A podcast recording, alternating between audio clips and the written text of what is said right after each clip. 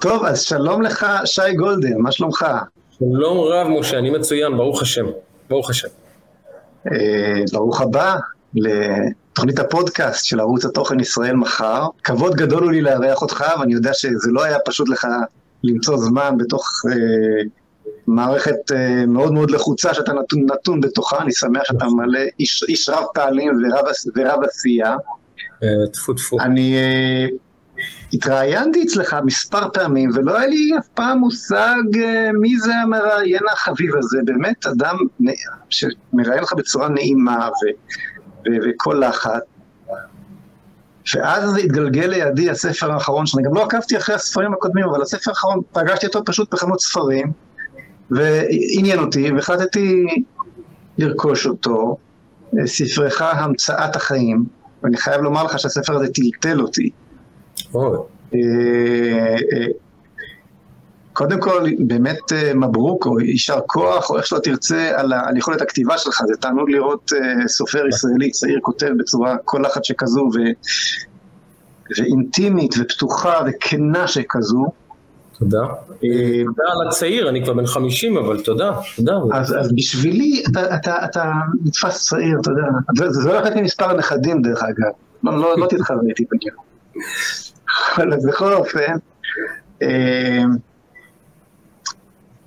אבל מה שהדהים אותי זה הסיפור עצמו, זה כמו סיפור של, אתה יודע, צ'ארלס דיקנס אי שם בביבים של לונדון במאה ה-19. כן, זה כאן סיפור- בישראל. אני הייתי בהלם, איך, איך, איך בכלל? אולי באמת זה- זכיתי לגדול לתוך אה, מציאות אה, שבעה ומסודרת, כמו אני חושב, בצורה כזו או אחרת, רוב רובם של הישראלים.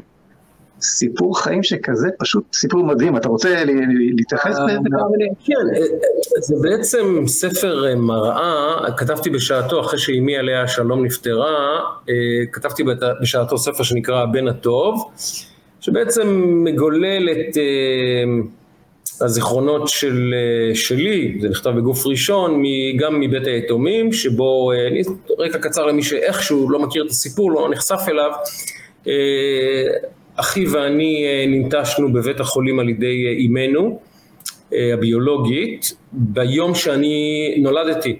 היא ברחה מבית החולים, היא הייתה נערה צעירה, בת 19 וחצי, היא עסקה בזנות, ורן הוא אה, אחי הגדול, אה, הוא, הוא, אה, היא עשתה אותו עם גבר אה, אה, שהייתה ברומן עם גבר, שמו חנן גולדבלט אגב, אה, שהכניס אותה להיריון ואז נעלם אה, והיא אה, נאלצה לעסוק בזנות, היא הייתה בעצמה בבית יתומים כל חייה, הוריה נטשו אותה כשהיא הייתה בת שלוש, הוריה היו אה, ממוצא טוניסאי למיטב הבנתי, וכשהיא ילדה אותי, אה, אבי הוא אחד הלקוחות שלה, לא נדע לעולם מי, כי לצערי היא עסקה במקצוע הזה והיא כנראה, לא כנראה, בוודאות פגשה הרבה מאוד גברים, זה, היא עברה חיים מאוד מאוד לא פשוטים בעצמה, אה, ואז היא ילדה אה, אותי ושנינו, וברחה מבית החולים, ורן ואני הועברנו מיד לבית יתומים, אותו בית יתומים אגב שבו היא בילתה בחיפה, שמו בית שבתאי לוי, כעבור ארבע שנים עברנו לבית יתומים אחר, ועד גיל שש וחצי כזה, ואז הגיעו ההורים שלי, הוריי המאמצים, שהם ההורים שלי לכל דבר, הורים על מלא כמו שאומרים, ואני גם אדם מאמין, עוד נגיע גם לזה בשיחה, אני באמת מאמין שהקדוש ברוך הוא שלח אליי את שני אלה, ספציפית. אה, ו... אז הספר שכתבתי בשעתו, הבן הטוב כאמור, עסק גם בזיכרונות שלי מבית היתומים וגם בזיכרונות שלי אה, מבית ההורים, גם שם היה ילדות מורכבת מאוד, כפי שאפשר לשער. וחשבתי לעצמי לימים, כשבגרתי, מה היה קורה אם אחי למשל היה כותב את הספר, מן הסתם היה כותב ספר אחר לחלוטין. גם היה קורה אם אמי הייתה כותבת את הספר הזה, היה כותבת ספר אחר לחלוטין, ואבי, שיהיה בריא, עדיין איתנו.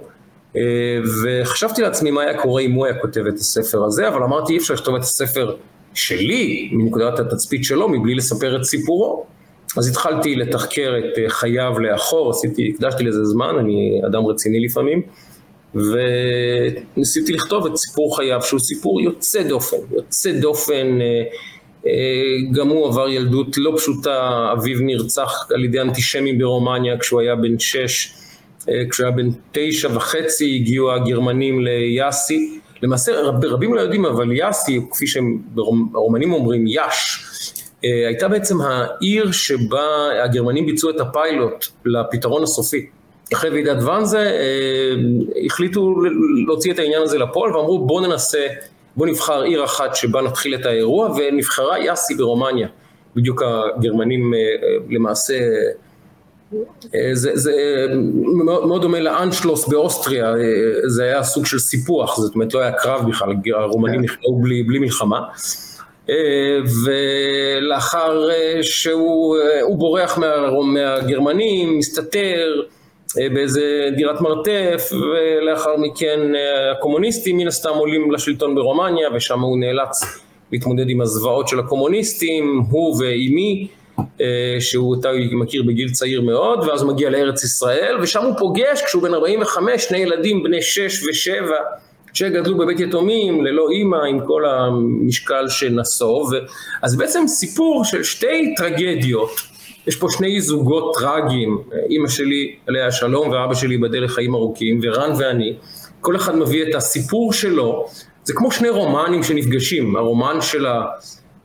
יהודי רומני שעובר את כל מה שעובר ועולה לארץ ישראל ומנסה להפוך לישראלי ומנסה לגלות את עצמו ואת זהותו ולהשתלב וכמו כן להפוך להיות הורה בגיל 45 לצד אמי שעברה בעצמה זוועה ברומניה, היא הוכרה בגיל 19 על ידי אה, רופאים מפגרים, שבעצם אה, מפגר אינה קללה, רופאים רומנים מטומטמים שבאותה תקופה החליטו שתינוקות מתים, אה, היא ילדה ילד שנולד, נפטר לאחר שלושה ימים, מוות בעריסה, והרופאים אה, חשדו שהסיבה לכך נעוצה בה, והחליטו לעקר אותה.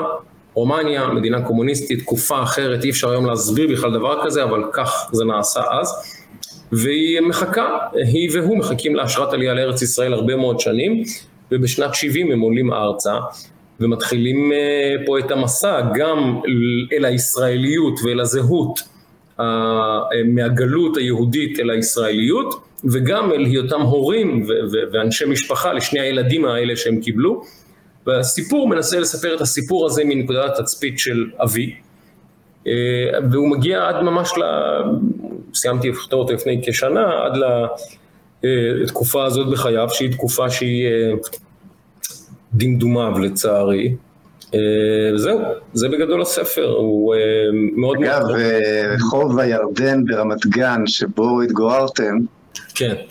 הוא הרחוב שבו גם התגורר אבי, אני מכיר היטב את הרחוב. וואו. לי, היה לי, כן, הייתה לי, היה לי סיבה טובה, כאילו, הכרתי את הסביבה. אני חייב לומר לך שלמרות שהספר הזה עמוס בזוועות, ואתה נולדת אל תוך זוועה, אין חוכמה, אין, אין פה בכלל שאלה, וזוועות הנאציזם והקומוניזם מן, מן הצד השני, מה שאותי טלטל, הזוועה הגדולה ביותר היה הסיפור של העיקור של אמך. זה דבר שהיה לי קשה מאוד אה, אה, אה, להמשיך לקרוא, אחרי שקראתי את ה... כיצד השלטון הקומוניסטי לוקח לעצמו, ואיך כתבת שם, ש... אין פה בכלל מצב של ללכת הביתה וטוב, נחשוב על זה. ברגע שהרופא אמר, אז זהו, בקצה המסדרון יש את uh, נציג המדינה, אתה לא בורח מהמדינה, זה המדינה, כשהרופא הרשמי אמר, אז זה מה שעושים. זו המפלגה, צריכים להבין, מי שלא מכיר את, את הקומוניזם, הקומוניזם זה בעצם שיטה פוליטית אה, שהוקמה על, האידאו, על התשתית של האידיאולוגיה הסוציאליסטית. אגב, אין בינה לבין סוציאליזם כלום ושום כלום. רבים מבלבלים בין קומוניזם לסוציאליזם. קומוניזם היא בעצם השיטה הפוליטית והיא אחת השיטות המזעזעות בתולדות האנושות. יש שיאמרו, ואני ביניהם, שגרועה יותר מהנאציזם באכזריותה. ברמה מספרית זה, זה, זה כבר עובדתי, אין על זה בכלל אה, מחלוקת היסטוריונים. וגם בזוועות של סטלין, מי שנכנס לעניין, וקצת, אני כפי שאתם רואים מאחורה, יש לי ספר או שניים, יש לי גם אה, חיבה אה, למשטר הקומוניסטי ברמה ההיסטורית, אני אוהב לקרוא עליו, והזוועות הן בלתי נתפסות, בלתי נתפסות, זה דברים שאין לתאר פשוט. והם... אני אה, יכול, אני יכול להתווכח איתך אם יש קשר או אין קשר, יש קשר, זה פשוט זה אבל, אבל לא רוצה, אני לא רוצה להיגרר לזה, יש קשר לדעתי, אפשר למצוא בהחלט קשר בין סוציאליזם לקומוניזם, אה, אבל זה ויכוח אה, כלכלי, ויכוח ביולוגי. מה שיפה בעניין בין הקומוניזם, בדיאלוג הזה בין הקומוניזם לסוציאליזם, שהסוציאליזם הוא במהותו רעיון נאצל, הוא רעיון יפה, אבל היישום שלו, הפוליטי, הקומוניזם הוא שטני, מפלצתי, בסדר גודל היסטורי ממש. וככה אתה רואה כיצד בני אדם הופכים גן עדן לגיהנום, בכוח ההרכב, ההרכב של אופיים ואנושיותם. יש משהו... לא, אה, יש כאן, אני אגיד לך, יש כאן את הקשר הוא, כן, אני חושב שסוציאליזם זה קומוניזם רך. עכשיו, ככל שאתה פועל אותו יותר, הוא יותר רך, הוא יותר יפה, והוא יותר סביל, אבל עדיין, גם במבנה הכי סביל ויפה שלו, עדיין יש פה את העיקרון שלפיו חיינו מתנהלים דרך המדינה. זאת אומרת, השאיפה היא שהמדינה תנהל כמה שיותר חלקים מחיינו, ולא אה, תשחרר אותנו אה, אה, לחופשי, או, או לקבל אחריות על חיינו בעצמנו. ולא לא, לא תכננתי לדבר על זה, אם נתחיל לדבר על זה, תיגמר לנו כל השעה על העניין של הקומוניזם והסוציאליזם. אני רק רוצה לומר לך שמהספר שלך, לסיכום הקטע הזה של האישי והספר, ומה שאתה מתאר, ואולי עוד, עוד נקדיש לזה פעם זמן לנושא שנפתח לנו פתאום. אתה דווקא, אם יורשה לי, דווקא בגלל שתיארת את אביך על כל חולשותיו ועל כל... אה, תיארת אותו כאיש פשוט, פשוט, לא מורכב מדי, לא, אתה יודע, זה איש פשוט, למרות שבהחלט אדם מלומד, אבל, אבל אתה מקבל תמונה של איש הצווארון הכחול, לא איש הצווארון הלבן, או איזשהו... אה, אה, אני יצאתי נפעם מגדלותו של האיש הזה, מכוחו של האיש הזה, אין ספק שזכית, ו, ותראה, המש, ה, ה, דיברת, הזכרת את הקדוש ברוך הוא קודם, המשבר של הוריך, המאמצים שהם הוריך, מצד אחד, נפגש עם המשבר שלך מצד השני, והוציא את שניהם מן המשבר שלהם אל עבר חיים חדשים, שזה אתה. שזה אתה, הרי לא מסובך להבין מה היה קורה אילו, אילו היית נותר זנוח שם, מתגלגל בין בתי יתומים. אין שאלה. טוב. תראה, אתה יודע, מה שיפה, ונסכם בכך את העניין האישי, שהרי הביטוי המפורסם, אה, אינך יכול לבחור את המשפחה שלך. אתה נולד למשפחה, אלו הוריך, אלה אחיך ואחיותיך, ותתמודד. אצלנו זה היה סיפור שבו משפחה אה, בחרה זו את זו, הם ממש בחרו אותנו. זאת אומרת, הם הגיעו כן. לשירות למען הילד, הציגו להם תמונות ואמרו להם, זה החבר'ה, אתם רוצים, אגב, הם יכלו להגיד לא, לא מעוניינים, תודה. בכל זאת לקחת שני ילדים, שש ושבע, כפי שאנחנו היינו אחרי שש שנים בבית יתומים, זה לא אירוע פשוט, בטח לא לאנשים מבוגרים שלא דיברו את השפה ועוד לא הכירו את אורחות הארץ ועוד לא ממש הבינו מי נגד מי פה. אז הם בחרו בנו. ואנחנו נאלצנו לבחור בהם, זה תהליך שגם הספר אני מתאר אותו, הוא לוקח זמן, אבל יש פה סיפור של משפחה שבחרה להיות משפחה, ולכן בעיניי יש בסיפור הזה חסד אלוהי אמיתי, באמת חסד אלוקי אמיתי. אה, ואני מאוד מאוד מאוד מאוד גאה בשני האנשים האלה, באמת, אנשים, אמרת כן. פשוט, אמרת פשוט, אתה יודע, יש המון גיבורים אלמונים, אה, גיבורים שלא מופיעים בספרים ולא מופיעים בסרטי התעודה, והנה אבי הוא גיבור אלמוני, אבל גיבור אמיתי, הוא באמת גיבור בעיניי. אה, העובדה שאתה מתייחס אל כל הסיפור הזה כאל חסד היא מדהימה בעיניי, ואגב קריאת הספר אה, הבנתי מהיכן מגיעה האנושיות שלך. שזה לא דבר, אה, זה לא מחזה כזה נפרץ בתקשורת הישראלית. אני התרגלתי להיות מרואיין על ידי הרבה מאוד אנשים, בדרך כלל כרישים שמחפשים איפה לתפוס אותך. פתאום אתה, אתה, אתה מגיע למרואיין שבאמת רוצה לדבר איתך, באמת רוצה לשמוע אותך. זה כנראה בא ממקום, ש...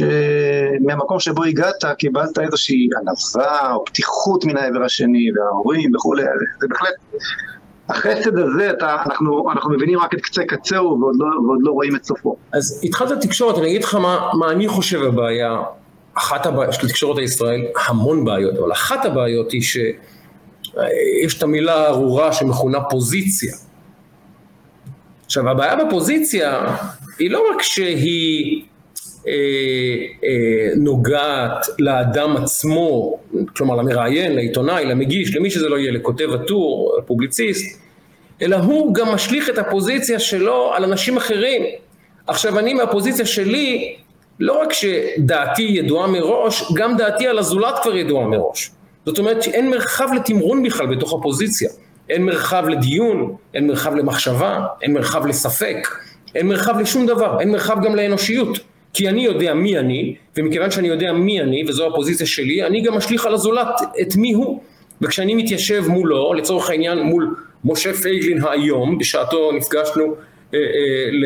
אני לא זוכר כבר למה זה היה, אז אתה יודע, אומרים לי, אתה הולך לפגוש את משה פייגלין היום? ואני אומר, לא, אני הולך לפגוש יהודי בשם משה פייגלין. כמובן שקראתי עליך והתכוננתי לדבר ולמדתי וכולי, אבל אמרתי, בוא נפגוש את האיש, בוא נפגוש את האיש, בוא נראה מי זה האדם הזה. לא, לא הסמל, לא הכיפה, לא הדעות, מי האיש? כי אותי יותר מעניין אגב להכיר את האיש ולהבין את האיש, כי כשאתה מבין את האיש אתה גם יותר קרוב להבין את דעותיו ועמדותיו, כי הרי כולנו הם גם, אתה יודע, לא רק תבנית נוף הורינו, ילדותנו, מולדותינו, אנחנו תבנית נוף אישיותנו, ומשם נגזרות הרבה מאוד מהדעות הפוליטיות שלנו והדעות וההתנהגויות הערכיות והמוסריות שלנו. אז אמרתי בוא נבדוק מי האיש, ואני מגלה אדם מוסרי, ואני מגלה אדם ערכי, ואני מגלה אדם, אני שוב לא אעשה, אביך אותך בשום צורה, אבל יש לך סיפור מאוד מאוד נוגע ללב ביחסיך עם ההורים גם, שמאוד נגע לליבי, והרבה חסד וחמלה היו שם, שאמרתי, אדם שנוהג כך בהוריו, אה, הוא לא מפלצת בהגדרה כבר, אין, אין, אין, אי אפשר, אי אפשר. ואני מגלה אדם סופר אינטליגנטי, שהוא ממש אה, כמעט סותר את הסטריאוטיפ. אז אמרתי הנה דמות עגולה, אני הרי סופר, ואני גם, הייתה לי קריירה אקדמית תקופה בספרות, אני מאמין בדמויות עגולות. אמרת לי שהצגתי את אבא שלי על כל פגמיו, איז, איזו דמות היא אם אין לה פגמים? הרי אתה יודע, חוץ מהקדוש ברוך הוא, יש מישהו שאין לו פגמים, אני אשמח לפגוש את האיש הזה, או אשמח להכיר את הדמות ההיסטורית הזאת, לכולם היו פגמים. אז אנשים הם עגולים, ואתה דמות עגולה, ולהגיע לראיון או לשבת מול אדם באולפן ולהגיד אני יודע עליו הכל. עכשיו, מר פייגלין הופך להיות סטיקר, זה סטיקר שאני כבר לא רואה בן אדם שם, אני רואה איזושהי תווית שכתוב עליה משה פייגלין, ואליה כבר מסופחים או נספחים כל מיני דעות קדומות ותובנות והנחות ודברים שקראתי, ואני בעצם מנהל דיאלוג עם עצמי עכשיו. זה כבר לא מולך. זה כבר לא מולך, אני, אני, אני, אני גם לא, זאת אומרת, אני, אני, זה קורה לי כל כך הרבה פעמים שאני נמצא באולפנים בצד השני, ואני מבין שהוא לא מקשיב לי. שדעתי כבר, שדבריי לא מעניינים. לא, הם לא מעניינים כי הוא לא רוצה לשמוע אותם, הוא, הוא מבין שהוא צריך להשמיע אותם בשל איזושהי נראות כזו או אחרת, אבל הוא לא מתעניין בהם. הוא לא מתכוון להתייחס אליהם גם, בטח לא לגופם. וגם אם אני, הוא ישאל אותי על מלפפונים, ואני אגיד משהו מאוד יפה על עגבניות, הוא יחזור למלפפונים, זה לא מעניין אותו. זה לא מעניין אותו. וזה לא שיח, וזה לא עיתונות, וזה לא מעניין אותי. ואגב, זה חלק מהסיבה למעבר שעברתי, היא בגלל הרתיעה ממש שאני חש כלפי התפיסה הזאת, שהיא כמעט, אה, בעיניי יש בה משהו אלים, זאת אומרת מבחינה אינטלקטואלית, זה ממש אלימות, ואני לא אדם אלים אינטלקטואלית. אתה יודע, אני התלבטתי אם לדבר איתך על הנושא הזה או לא, אבל אם כבר קפצנו לנושא התקשורת, אז אני, אני, אני אכנס לזה. אני מצאתי את עצמי ב... איך אומרים באנגלית? במיץ, בליבת האש של הוויכוחים הישראליים הגדולים ביותר, נגיד, בשלושים השנים האחרונות. הייתי שם באוסלו, והייתי שם אחרי רצח רבין, והייתי שם, מה זה הייתי שם? אני הקמתי את זו ארצנו, אני חסמתי את כל המדינה, וכל המדינה יחסה אליי היה או כאל מלאך מושיע או כאל שטן, פחות או יותר.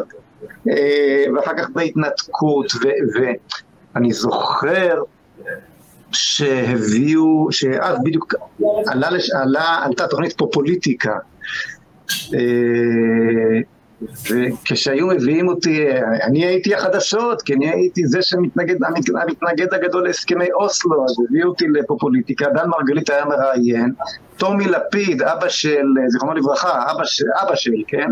כן. היה נציג הימין. מה זה נציג הימין? הוא, הוא, הוא אולי היה לא שמאלן, אבל הוא תקף אותי יותר מכל השמאלנים. כל ששת האנשים האחרים שהיו בפאנל, כולל המראיין, היו אנשי שמאל, והביאו אותי חמיין בשביל זה, ואף אחד לא נותן לדבר. אבל, אתה יודע משהו? לפחות הביאו אותי. ואותו דבר בהתנתקות.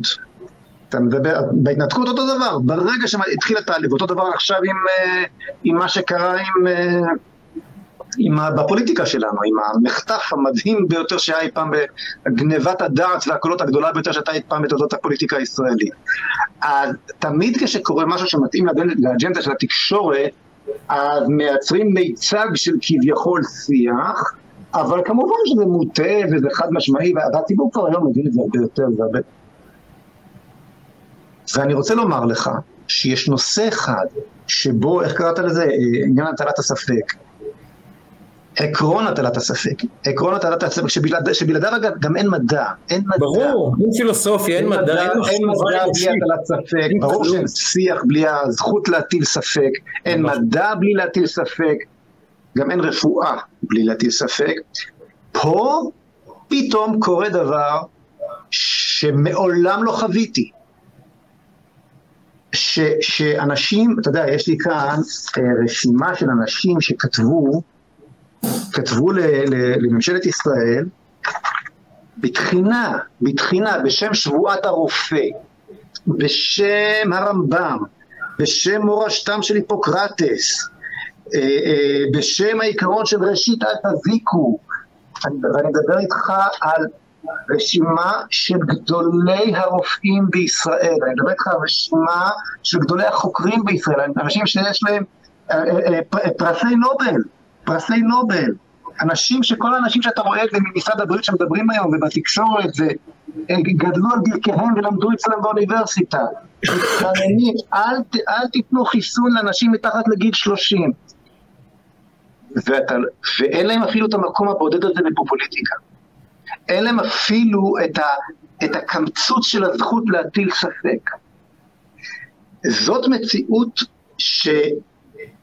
שמטריפה את דעתי.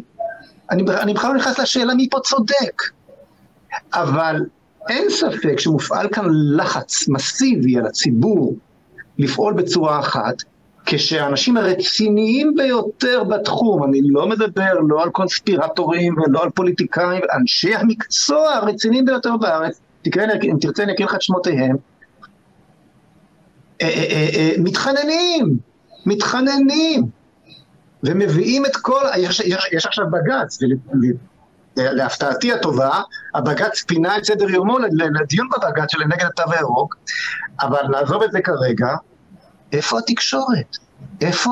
פתאום יש מוסכמה חדשה, וזה בכל העולם, ש, שאסור לתת להם לדבר. שמי ש...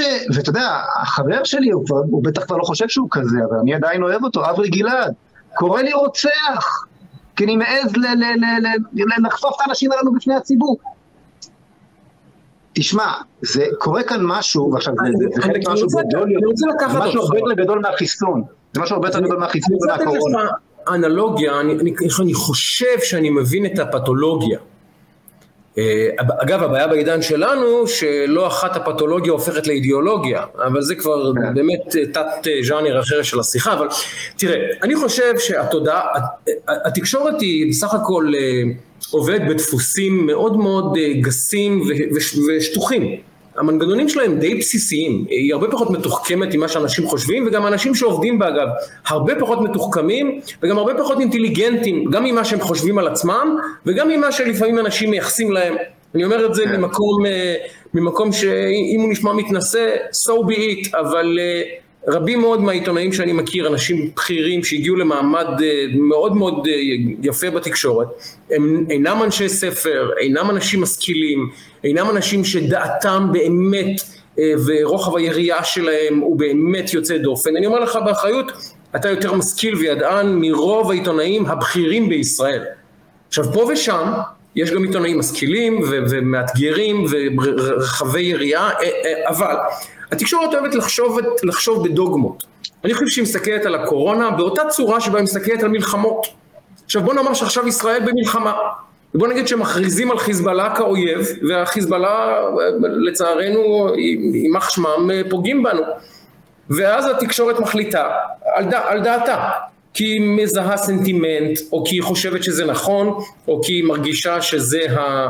אה, הצד הנכון של ההיסטוריה או של האינטגריטי, זה לא משנה איזה סיבה היא אומרת לעצמה, שעכשיו כולנו מתגייסים לעודד את חיילי צה"ל ולתמוך בישראל במלחמה נגד חיזבאללה.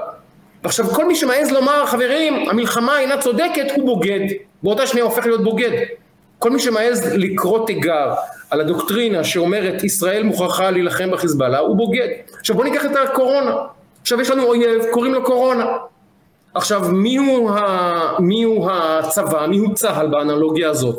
כמובן החיסונים שהם, אה, אתה יודע, הגאולה הגדולה. אנחנו הרי עובדי עצות מול העניין הזה. חסרי אונים, לא היה אירוע כזה בסדר גודל, בסדר גודל הזה בהיסטוריה של המין האנושי, וכולנו עובדי עצות, כולנו מגששים בחשיכה. ומכיוון שתקשורת לא יודעת להתמודד מול אי ודאות, היא אינה יודעת אנחנו לא יודעים כעיתונאים לסקר אי ודאות, לא יודעים. אנחנו צריכים לייצר משהו ודאי, כי אנחנו יושבים בכיסא שממנו אנחנו אמורים לתת מידע לציבור, לתת דעה לציבור, אפילו להטיף לו מוסר, אפילו לחנך אותו, ולכן אנחנו לא יודעים להתמודד בסיטואציה של אי ודאות. אז בחרנו צד, והצד הוא חיסונים, והצד הוא נגד הקורונה, ומי שמתנגד לחיסונים הוא למעשה משתף פעולה עם האויב, כלומר עם הקורונה. אז אותו משקל שאנחנו נותנים לאנשים שהם יוצאים נגד צה"ל בזמן מלחמה, נותנת עכשיו התקשורת גם לאנשים שמעזים להטיל ספק בחיסונים. עכשיו אני אומר בצורה הכי גלויה, אני באופן אישי חושב שהחיסונים הם אה, בבחינת אה, אה, הרע במיעוטו. אני מודה שאני לא, לא ברור לי עד הסוף מה, מה הכנסתי לגוף, אני מודה. אבל אני מסתכל על uh, טובת הקהילה, אני מסתכל על, על, נזקים uh, גם לאומיים, גם כלכליים, גם חברתיים, גם אסטרטגיים, גם לבריאות הנפש, לא רק של כל אחד, אלא גם של האומה, האומה כולה. ואני אומר, יכול להיות שהחיסונים הם יהיו דרך למזער את הנזק של הדבר המזעזע הזה שמתרחש עכשיו, שהוא הקורונה. אבל, כשאומר לי אדם רציני כמוך, תקשיב, יש לי דעה אחרת, אני רוצה לשמוע. אני רוצה לשמוע. אני יכול להגיד, אדוני, אתה טועה לדעתי, או גם אם אתה צודק, אני חושב עדיין שהנימוקים שלי חזקים יותר, אבל אני רוצה לשמוע. ובתקשורת מפחדים, מפחדים. כי אם תאמר, וחס ושלום תציג טיעון משכנע, אז הם יהיו משתפי פעולה עם האויב. זה מסוכן, מר פייגלין. ואסור לשתף פעולה עם האויב. תראה, אני חושב שאתה עושה פה לתקשורת אה, הנחה גדולה מדי. אוקיי. כי למשל, אם אני ממשיך את האנלוגיה שלך, הפגנת ה-400 אלף נגד אה, ממשלת אה, בגין בזמנו. כן. ש... בזמן, בזמן מלחמת לבנון. הייתה מלחמה, ברור שהייתה מלחמה, והיה צד שהחליט שזאת מלחמת ברירה, ושהצורה שבה הממשלה אה, אה, אה, מתנהלת במלחמה הזאת היא, היא, היא לא טובה. התקשורת ידעה יפה מאוד לא רק להראות את הצד הזה, אלא בסופו של דבר גם באופן חד משמעי אה, אה, לתמוך בו. כך שאני חושב שהסיפור כאן הוא אחר. אה, אני חושב שהסיפור כאן הוא אחר. אני חושב, שמח... אני חושב שבאמת, ברור שיש מגפה. אתה יודע מה, ברור שיש מחלה, אני לא יודע אם זאת מגפה או, או סוג של מחלה, זה עניין של סמנטיקה והגדרות, עזוב, יש מחלה והיא יכולה להיות מאוד מאוד קשה לאוכלוסיות אה, אה, מסוימות וכן הלאה וכן הלאה, אני חושב שלא, זה, זה, זה, לא רציני לעשות ולהכחיש את זה, ברור שלחיסונים הללו יש אפקט ובסיטואציות מסוימות ולאוכלוסיות מסוימות יכול להיות שזה אה, עושה שכל לקחת אותם. לא משנה כרגע, כן, אבל, אבל מה שאתה מנסה לומר הוא שברור לכל התקשורת שיש כאן בעיניי משהו שהוא עמוק יותר, אני לא רוצה לשטוח בפניך כרגע את כל התיאוריות שלי, רק רוצה לומר לך שהדבר אחד, ולחזור מנושא החיסונים לנושא העיקרי שעליו רציתי לדבר איתך, כי לא לכך רציתי, אני רוצה שהשיחה שלנו תגלוש, אבל קח למשל, אני אתן דוגמה אחת קטנה, שי. כן. קח פרופסור רצף לוי, אוקיי. מטאור ישראלי בפרופ... באוניברסיטת MIT. באמת, להיות, להתקבל כפרופסור מן המניין באוניברסיטת MIT בבוסטון, והוא פרופסור ישראלי לכל דבר, והוא ישראלי, והוא יותר ישראלי, ואכפת לו מישראל, והוא מרצה שם, זה לא דבר קטן, זה לא איזושהי מכללה נידחת, אוקיי? פרופסור מוכר וידוע. לא אדם שאתה יכול לזלזל במה שהוא אומר. והוא הולך ועושה את הדבר הכי פשוט. הוא בודק את הקריאות של מד"א בחודשים, בתחילה מינואר עד מאי 2021, אה, אה, שנה, שנה הזו, כלומר החודשים שבהם ניתנו החיסונים, גל החיסונים הגדול שהיה. הראשון, מה שנקרא, גל הראשון. והוא הראשון, נכון. והוא מוצא שבדיוק במקביל לגל החיסונים הזה, הקריאות למד"א לאירועים לבביים בקרב צעירים בגילאי 16 עד 29 עולים בעשרות אחוזים לעומת כל הממוצע הרב-שנתי שקדם לאותה תקופה. וזה אירועים לבביים ש- ש- שחלקם חמורים ביותר, אנשים צעירים. אתה לא ידעת על זה, נכון? לא. אתה איש תקשורת, לא ידעת על זה, נכון? לא. עכשיו הוא זועק, תבדקו, הנתונים בידכם, לי אין את היכול, אני רק יכלתי לדעת שהיה אירוע לבבי ואת הגיל של הבן אדם, אבל להגיע לסיפור לאנשים הללו, לבדוק אותם, והם כמה ימים בדיוק לאחר החיסון כל אחד היה וכן הלאה, ואם יש קשר ואין קשר, יוק, שום דבר. אתה לא חושב שהורה שמתלבט עכשיו אם לשלוח את הילד שלו לקבל חיסון, ראוי שידע את הנתון הזה? ראוי בהחלט. ורצוי, אבל תשמע, אני מתגורר אה, באור עקיבא. זו דוגמה קטנטנה, תאמין לי. אני אספר לך סיפור, אני מתגורר באור עקיבא. לא, רק יש לי עוד מילה אחת. כי את ההפך, אנחנו, התקשורת מציפה. האנשים שנפחו את נשמתם כי לא יכלו לנשום, וכמובן פה לא לקחו חיסון ומתו ופה לא... יא חביבי, אתה, אתה תקשורת? אתה אמור להביא את המידע? תן אותו, אבל, אבל הנקודה היא שהיום וזה משהו שהוא הרבה הרבה מעבר לקורונה. אין יותר שיח. ה, ה, אתה רואה כיצד היכולת הזאת לשלול, לסתום את הפה, הפכה להיות למקודשת. התקשורת למעשה מקדשת את זכות סתימת הפיות. זה כבר הפך להיות רשמי, ואם אתה חושב שזה ייעצר בקורונה, שכח מזה.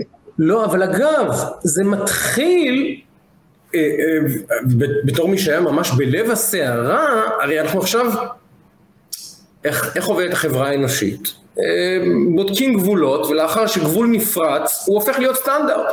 אז בשעתו, בתקופת אה, אה, המחאה, אי אפשר לקרוא לזה מחאה, שלא לומר גל ההסתה האלים והפרוע, חסר תקדים אגב בהיקף שלו. גם לא בימי רבין, אמרתי את זה ונועה רבין אה, כתבה לי מכתב נזעם מאוד, הכנסתי להשוות בין ההסתה בתקופת רבין להסתה בתקופת... אני אומר בצורה גלויה, אני הייתי בתקופת רצח רבין אה, איש אה, שמאל, הצבעתי מערך, הצבעתי רבין, בכיתי כשרבין נרצח, ואני אומר בצורה ברורה, ההסתה נגד נתניהו בשנה וחצי, שנתיים האחרונות אינה נופלת, לכל הפחות אינה נופלת. מה אינה נופלת? אני אומר לך כמי שהיה בצד השני, סלח לי שאני אומר אני אומר לך כמי שהיה בצד השני, תרשה לי לחזק את דבריך כן. באנקדוטה, בסדר? כן. אני הואשמתי בהמרדה בעקבות רצח רבין. לא היה לי כמובן שלא היה שום קשר לרצח רבין, אבל רצח רבין היה, נתן את הלגיטימציה לממשלה, ככה, לנצל את הזעזוע ולהאשים את כל מי שהתנגד לאוסלו בכל מה שהיא יכלה, ואני הייתי בחוד החנית של ההתנגדות לאוסלו. אז בכתב האישום שלי נכתב, כתבו, כתבה הפרקליטות, זה לא אישום פשוט, אישום בהמרדה, זה אישום, זה כתב אישום שמחייב את אה, חתימת היועץ המשפטי לממשלה עליה. עליו. לא דבר פשוט בכלל. כן. המרדה זה חתיכת חוק אה, לא דמוקרטי, כן? מי זה היה? בכל אופן... מיכאל בן יאיר? מי היה זה? נכון, מיכאל בן יאיר. מיכאל בן יאיר היה ממש, כן. כן. אז נכתב בכתב האישום שלי שאני קראתי לרבין רוצח. למה? כי אותו מיכאל בן יאיר ואותם מי שניסחו את כתב האישום שלי לא העלו על דעתם שמי שחסם את כל המדינה, כלומר הם נשבו בשטויות של עצמם, והחלו להאמין בשקרים של עצמם. אז איך זה יכול להיות שאנחנו השמאל במשך שנים ארוכות קראנו לבגין בלבנון רוצח ולשרון רוצח ופייגלין לא קרא לרבין רוצח, בטוח שהוא קרא לו רוצח והוא לא יכחיש, אז הם הכניסו את זה לכתב האישום ומגיע מגיע המשפט ואני הצגתי את עצמי, לא הסכמתי לקחת עורך דין. לקחתי סיכון, אני זוכר שאבי זיכרונו לברכה היה מוכן לשלם מאות אלפי שקלים רק שאני אקח את העורך דין הכי טוב, לא הסכמתי, אני הצגתי את עצמי. מגיע הסעיף הזה בכתב האישום, ואני אומר לשופטים, תשמעו, כתוב פה שקראתי לרבין רוצח, וזה לא נכון, אני אף פעם לא קראתי לו רוצח. אבל מכיוון שכתבתם את הדברים כאן בכתב האישום, ואני פניתי לנציג המדינה, כן, לתובע, ומכיוון שכתבתם ש, שאני קראתי לרבין רוצח, אם, אם, אם, אם כבר אתם שמתם את זה כאן בכתב אישום, אז דעו לכם שהוא אכן רוצח, ושאם המדינה, אם מדינת ישראל עכשיו אה, אה, תתנגד לאמירה שאמרתי כאן בבית המשפט הישראלי, אני אביא עדים, והיו לי עדים, הכנתי אותם, אוקיי? רבין היה האיש שהתגאה בכך שהוא ירה באנשי אלטלנה כשקפצו מן האלטלנה הבוערת ושחו אל החוף. הוא אמר במסיבת יום העצמאות בשגרירות הברית, דפקנו אותם בים ודפקנו אותם בזה, זו, זו הייתה הגאווה הגדולה שלו, שלו, שהוא ירה באנשי אלטלנה ששוחים אל החוף. אז, אז אמרתי, ו, ושלושת השופטים, אני לא אשכח את התמונה הזאת, זה היה, ותבין, זה היה ב, ב, ב, בשנה שלאחר רצח רבין, להגיד דבר כזה, כן. בבית משפט ישראלי. כן. ו, וכל הפנים של השופטים אה, פנו אל התובע, נציג המדינה, כן, אל מדינת ישראל, לראות אם הוא מתנגד לאמירה הזאת שלי. והוא השפיל מבט, הוא הבין שמוטב לו, לו לקבור את זה כאן, השפיל מבט ולא התנגד, מדינת ישראל לא התנגדה לאמירה הזאת. ו- ואת כל הסיפור הזה אני מביא כדי לומר לך, תראה, הם, הם, הם, להמשיך את מה שאתה אומר, הם, הם מספרים לעצמם סיפור על ההסתה ועל הבלה, איזה שטויות, איזה שטויות, בקצה הקצה של המחנות תמיד יש את האנשים המטורללים ביותר, אבל מה שהיה בבלפור היה מערכתי, מה שהיה בבלפור לא היה הקצה המטורלל של השמאל הקיצוני ביותר, מה שהיה בבלפור היה אימא של ההסתה. אין ספק. עם אימא של ההמרדה, הכל היה מותר שם, וזה קיבל כמובן. אגב, והעדויות... ועדויות למימון חיצוני אה, לא, נכון. לא, לא קטן, לא קטן, הן רבות, ועדויות ל...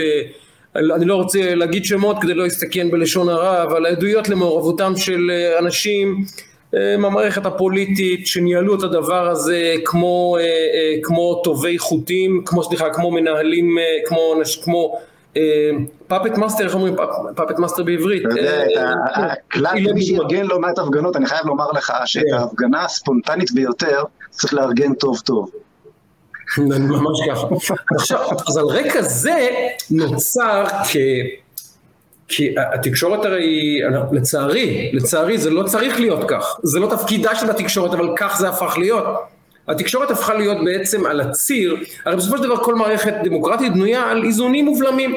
מערכות אמורות לעמוד בסתירה זו לזו כדי לאזן זו את זו. אמורות קצת אה, לאתגר זו את זו בכדי שייווצר איזון שישמור על ערכים שכל אחד מנסה מן הסתם אה, אה, לקדש וגם התקשורת היא שחקנית במשחק הזה ובישראל נוצרה אנומליה גם התקשורת גם המערכת המשפטית גם המערכת הפוליטית, כולם ישרו קו, כולם ביחד. עכשיו, זו הגדרה של דיקטטורה, ידידי. כך עובדות דיקטטורה. זה לא מוגדר בחוק, זה לא מוגדר מהצהרת העצמאות, זה לא מוגדר בשום מקום, אבל בפועל כך עובדות דיקטטורות, כשכל המערכות מסונכרנות. וכשכל המערכות מסונכרנות אין דמוקרטיה. ובישראל... תגיד לי, תגיד לי, איך אתה מסביר לעצמך כן. את הליכוד, שמאז המהפך בשנת 77, היה לו את כל הזמן שבעולם. Yeah, זה פשוט מאוד. כדי לתקן את הדבר הזה. זה פשוט מאוד. לא אני, אני אומר את זה, ואני אמרתי את זה גם אה, אה, אה, בשעתו למר נתניהו. אמרתי לו, אדוני, יש לי תחושה, ואני באתי מהשמאל, באמת הרבה שנים הייתי איש שמאל, תמיד הייתי שמאל מתון, כי תמיד הייתי מאוד ציוני ומאוד אמוני. אלה דברים שהיו בי מילדות. זה לא דבר שאימצתי בשנים. אנשים חושבים שהייתי, לא יודע מה, איזה פרוגרסיב, ועכשיו הפכתי, לא, תמיד האמנתי בהשם, תמיד האמנתי בזכותו של עם ישראל להיות פה בארץ ישראל, מאז ומעולם, אבל כיוון שאני גם הומניסט וליברל, נטיתי יותר שמאלה. בכל מקרה, אמרתי למר נתניהו, אדוני, אתם בשלטון כבר כמעט 40 שנה, אתם מתנהגים כמו אורחים, אתם ממשיכים להתנהג פה כמו אורחים. למה? איך אתה אומר את זה? אני חושב שזה עניין של תסביך נחיתות. עכשיו אני אדבר... מאיפה הוא בא? מאיפה הוא בא? אני אקח את אבא שלי, בסדר? כדוגמה דווקא.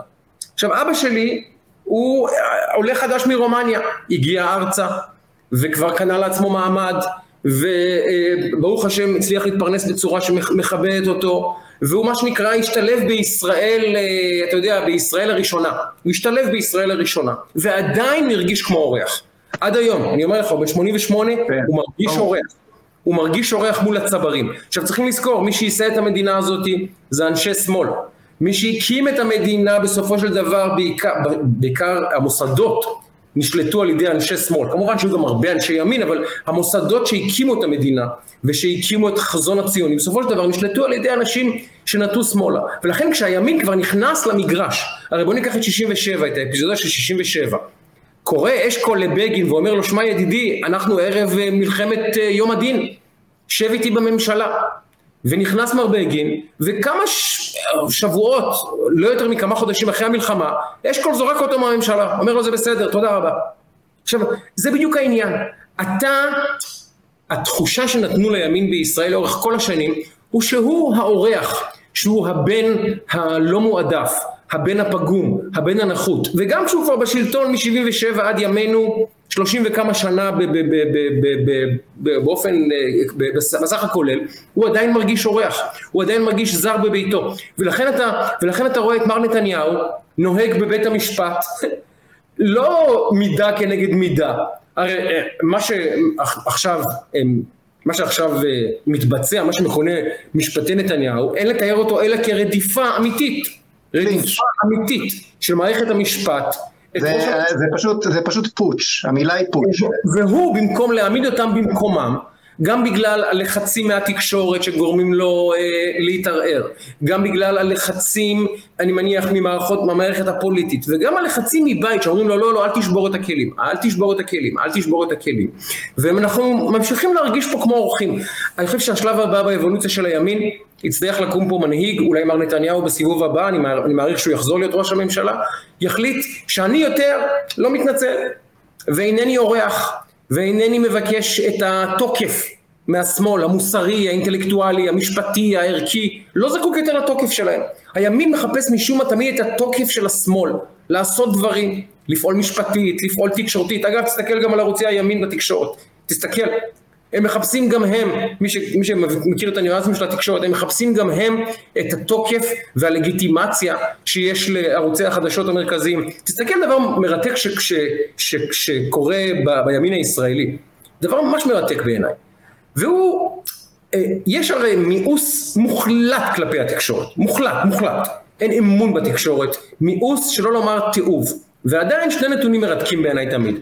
אחד, הרייטינג של ערוץ 2, המכונה 12 עכשיו, יציב ואיתן מאי פעם, גם גבוה. עכשיו אתה אומר לעצמך, באיזה הקשר אדם שיושב ערב ערב מול הטלוויזיה ושומע דברי בלע ושקר, ממשיך להתיישב ערב ערב מול מנגנון שהוא יודע שהוא מנגנון תעמולה שקרי, כדי להתעצבן? אני אומר בסדר, יש אחוז מהאוכלוסייה שהוא, שהוא אה, סובל ממזוכיזם, בסדר גמור, אני מפרגן לפן הזה באישיות, אבל כמה? האם כל הימין מזוכיסטי בישראל? למה, אתה אומר, הם לא פונים למשל לערוץ 20, או לגלי ישראל, או לכל אלטרנטיבה אחרת שיש, או בכלל בוחרים לא לצפות יותר בטלוויזיה. והמספרים גבוהים, אני אומר לך, אני עוקב אחרי נתוני הרייטינג, אני מקבל בוקר בוקר למייל את נתוני הרייטינג של אתמול בערב, אני עדיין שריד מהתקופה שעבדתי בטלוויזיה. והם ממשיכים לצפות בערוץ 12 וערוץ 13 בשיא המחאה נגד נתניהו, כשהיה ברור שהתקשורת הפכה להיות סוכנת אמיתית, אמיתית, שמשתפת פעולה עם המחאה הזאת. אני יכול, אני יכול לזרוק לך השערה, כן. השערה לתשובה לשאלה הזאת, תראה, אני בבוקר, כי אני נמצא בשבע בבוקר, לי אין טלוויזיה בבית בכלל, אני לא צופה באף ערוץ, את, את, כל, הת, את כל החדשות שלי אני מקבל רק, אך ורק ממקומות שאני רוצה לצרוך אותם ולהבין אותם. אה, כדי לשמור על, אני כאילו, פשוט אני מכבד את האינטליגנציה שלי, אז זה, כן. אבל, אבל שבמכונית אני שומע את אה, אריה גולן. עכשיו, אני שואל את עצמי בבוקר, או את המונולוג היומי של בבוקר של אריה גולן.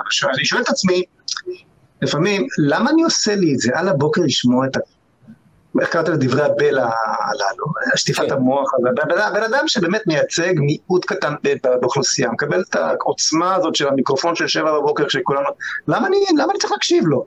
והתשובה שאני נותן לעצמי באותו רגע ולא, ולא מעביר תחנה, אלא אם כן אני ממש מתעצבן, היא שאני עושה את זה כדי לדעת מה כל עם ישראל שומע עכשיו, כדי להיות בעניינים. אז אותו עניין, הוא, הוא אותו ימין שמקשיב ל-12 ו-13 וכולי, אה, ויודע, הוא יודע שאלו דברי בלע או מנותקים לחלוטין מן המציאות ומעולם הערכים והמוסר שלו. מנגד, זאת המציאות, זה, זה, זה השיח, זה השפה, זה, זה, יש, יש כמובן גם את האיכויות של הערוצים האלו, כי יש שם הרבה כסף, אז הם עושים לך תוכניות בידור טובות וכדומה. אבל כשאתה בערוץ 20 אתה בפלנט אחר, אז אתה לא באמת בישראל. כשאתה בערוץ 12 אתה בישראל. אני חושב שפה מונחת, מונחת חלק מהתשובה. אני חייב לומר לך שאתה ניתחת את זה במובן, ה, במובן הפסיכולוגי, כן? אה, אני חושב, של הימין, שהוא יש לו רגשות נחיתות וכדומה, אני חושב שזה יותר עמוק, ואני רוצה לשתף אותך במשהו שאני מנסה לפה לייצר בדיוק את התשובה לדבר הזה, מתוככי הליכוד, ואני, ואני מרגיש שהגישה הזו שאני תכף אדבר עליה, היא, היא מתקבלת בזרועות פתוחות, ממש בשקיקה אפילו. תראה, שי, לדעתי, באמת באמת, למחנה הלאומי, אני, לא, אני בכוונה לא משתמש במושגים ימין ושמאל. אצלי אין ימיניות, אין יותר ימין ושמאל. יש הרוב היהודי, ויש את גוש המדינה היהודית, ויש את גוש מדינת כל אזרחיה, ואת את, את המיעוט של כל אזרחיה והערבים. זה היהודית מול כל אזרחיה. זה הסיפור פה. הימין והשמאל בישראל הם שמות קוד לזהות. השאלה מה אתה קודם, ישראלי או יהודי. מכיוון שהימין נפל, הולך שולל אל תוך הדיבור הסתמי הזה, אה, אה, חסר המשמעות הזה של ימין ושמאל, קל מאוד, קל מאוד לראות בחילופי השלטון שהיו כאן לאחרונה סתם איזה אה, סוף סוף ניצחון של, של אז בנט שיחק אותה, זה זה, והליכוד עכשיו סתם חמוצים או משהו כזה. יש כאן משהו הרבה הרבה יותר עמוק, יש כאן מי שלא רוצה כאן מדינה יהודית, הוא אומר לך את זה בצורה הכי מפורשת שרק, שרק ניתן. אהרון ברק אומר לך, בשבילי מדינת ישראל, מדינת כל אזרחיה, מדינה יהודית נגמרת בלוד, הוא אמר את הדברים בצורה הכי מפורשת וגלויה. אני ראיינתי כאן את אה, גדעון לוי, הוא אמר מפורש, לי לא אכפת, אני רוצה אפילו שראש הממשלה יהיה פלסטיני כלשונו, ששר הביטחון, שהרמטכ"ל, אומר לך דברים, דברים דומים חבר הכנסת רם בן ברק, שהיה סגן ראש המוסד, הוא מוכן שראש המוסד תהיה ערבייה מהתנועה האסלאמית. זאת אומרת, לרוב היהודי, שבזכותו בכלל קיימת כאן מדינה יהודית, כי המדינה היהודית לא קיימת רק בגלל הדתיים והחרדים. דתיים, דתיים וחרדים יכולים גם להתקיים כקהילות בחו"ל. עם, עם שהוא קודם כל ולפני הכל יהודי, מגדיר את עצמו כיהודי, רוצה להיות יהודי, מבין, רוצה, רוצה שיהיה גם לילדים שלו מדינה יהודית, זה הליכודניקים. זה הציבור העממי, הציבור המסורתי, הציבור המזרחי, הציבור כמובן האמוני, אז, אז ה, ה, הציבור הזה לא ידע להגדיר לעצמו אף פעם היכן עובר קו, קו המערכה. מי נגד מי כאן בדיוק? ומכיוון שלא ידע בדיוק להגדיר, מי, להגדיר לעצמו על מה כל המערכה פה, לא היה לו באמת את הכלים התודעתיים, שלא לומר האינטלקטואליים, לעשות כאן מהפך אמיתי. האנשים בוחרים ליכוד באופן אמוציונלי, בגלל, בוחרים בליכוד הסוציולוגי יותר מאשר הליכוד האידיאולוגי, וצריך פשוט לשים את הדברים על השולחן, לומר להם חברים, אם אנחנו רוצים, מה שקרה כאן זה שהרוב היהודי, כן, שהוא העם, שבזכותו עדיין קיימת מדינה יהודית בכלל, הולך, נגנב, הולך שולל, נגנב, נשדד, ושבעה מנדטים מליבת הרוב היהודי הזה הועברו למחנה כל אזרחיה והערבים בניגוד לחלומות הכי שחורים של, שלא היה מצביע אחד שחלם שכך יעשה. בשביל בצע ישיבה זמנית על כיסא ראש הממשלה של, של בן אדם עם שישה מנדטים. ואם אנחנו רוצים שהמדינה של... קודם כל אם הימין רוצה לחזור לשלטון, ואם ה, הליכוד רוצה לחזור לשלטון, ואם הימין רוצה לחזור לשלטון, וגם רוצה שכאשר הוא יחזור, הדברים שראינו עד היום לא יחזרו על עצמם, ותהיה לו באמת את ה... את ה, את ה יהיה לו את הגב, את עמוד השדרה לבוא ולהגיד, אני עכשיו מייצר מערכת שבה שופטי בג"ץ נבחרים על ידי העם, ועומדים לשימוע כמו בכל דמוקרטיה ראויה לשמה בעולם. והבג"ץ מייצג באופן יחסי את כלל ערכי המדינה הזאת, ולא רק את ערכי מרץ. אגב, שוחחתי עם פרופסור טליה. לא, אם לא נדע לעמד מאחורי היסודות הללו, כן, יהודית או כל אזרחיה, זה קו השבר, זה אני מסכים איתך, אבל לא תראה, השיח הזה הוא שיח שאם אנחנו עוקבים אחרי ההיסטוריה של עמנו, אה, אנחנו רואים שהוא בעצם מתנהל כבר הרבה מאוד שנים, זה לא עניין שאנחנו מנהלים ב-20, 30, 50 שנה האחרונות.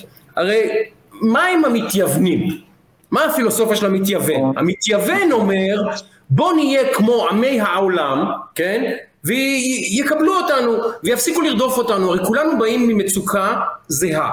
אנטישמיות, זו המצוקה האמיתית של העם היהודי. אנחנו נרדפים מיום, ש, מיום, ש, אה, אה, מיום שאברהם אבינו קיבל את הברית, אה, מהקדוש ברוך הוא, אנחנו התחלנו להירדף.